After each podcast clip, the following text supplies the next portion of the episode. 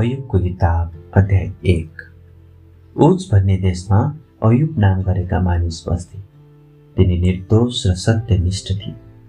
तिनी परमेश्वरको डर मान्थे र खराब कुराहरूबाट टाढै बस्थे। तिनका सात छोरा र तीन छोरी थिए। तिनका सात हजार भेडा तिन हजार ऊँट एक हजार गाई बस्तु र पाँच सौ गधैनी थिए। अनि धेरै नोकर चाकर पनि थिए। त्यसैले तिनी पूर्वतिरका मानिसहरूमध्ये सबैभन्दा धनी थिए। तिनका छोराहरूले पालै पालो आफ्नो घरमा भोज दिने गर्थे। उनीहरू आफ्ना तिनजना दिदीबहिनीलाई पनि सँगै खानपिन गर्नु बोलाउँथे आफ्ना सबै छोराको भोज दिने पालो सिद्धिएपछि अयुब आफ्ना छोराछोरीलाई बोलाउँथे र उनीहरूलाई चोख्याउँथे।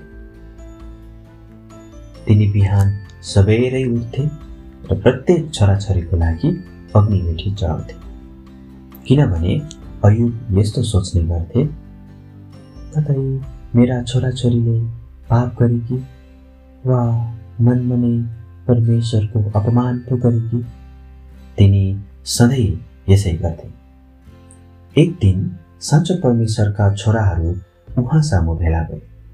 सैतान पनि तिनीहरूसँगै यहोवा सामु उपस्थित भयो यहोवाले सैतानलाई सोध्नुभयो त कहाँ पुगेर आइस सैतानले यहोवालाई जवाफ दियो पृथ्वीको चारैतिर घुमफिर गरेर आए अनि यहोवाले सैतानलाई भन्नुभयो तैँले मेरो दास अयुबलाई याद गरिस् पृथ्वीमा ऊ जस्तो अरू कोही छैन ऊ निर्दोष र सत्यनिष्ठ छ मेरो डर मान्छ र खराब कुराहरूबाट टाढै बस्छ।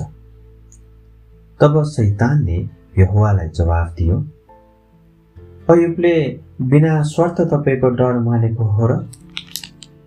तपाईँले उसलाई उसको घर परिवारलाई र उसँग भएका सबै कुरालाई चारैतिरबाट रक्षा गर्नुभएको छैन र? तपाईँले उसको फलिफाप गराउनु भएको छ र उसको भाइ वस्तु भाउ बढेर अनगिन्ती भएका छन्। तर एकचोटि आफ्नो हात पचारेर उसँग भएका सबै कुरा खोसेर त हेर्नुहोस् उसले तपाईँकै मुखको सामुने तपाईँलाई सराप्नेछ। अनि यो हुवाले सैतानलाई भन्नुभयो हुन्छ त्यसो भए अयुबसँग भएका सबै कुरा तेरै हातमा दिन्छु।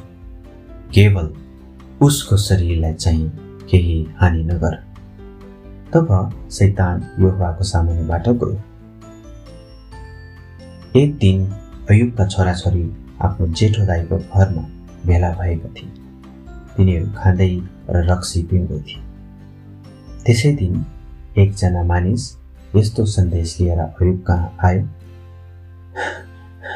गोरुहरू जोतिरहेका थिए र नजिकै गधाहरू पनि चरिरहेका थिए। अचानक सभाका मानिसहरूले आक्रमण गरेर ती सबै लिएर गए। तिनीहरूले तपाईँका नोकर चाकरलाई तलवारले मारे। म मात्र उम्के र तपाईँलाई यो सन्देश दिन आए। ऊ बोल्दा बोल्दै अर्को एकजना अयुब कहाँ आयो र यसो भन्यो आकाशबाट परमेश्वरको आगो बर्सियो। अनि त्यसले भेडाको बथान र गोठालाहरूलाई भस्म पार्यो। म मात्र उम्के र तपाईँलाई यो सन्देश दिन आए। ऊ बोल्दा बोल्दै अर्को एकजना पनि अयुब कहाँ आयो र यसो भन्यो कल्दिहालीहरू तिन दल बनाएर आक्रमण गर्न आए। तिनीहरूले उठहरू लगे र तपाईँका नोकर चाकरलाई तलवारले मारे। म मात्र उम्के र तपाईँलाई यो सन्देश दिन आए।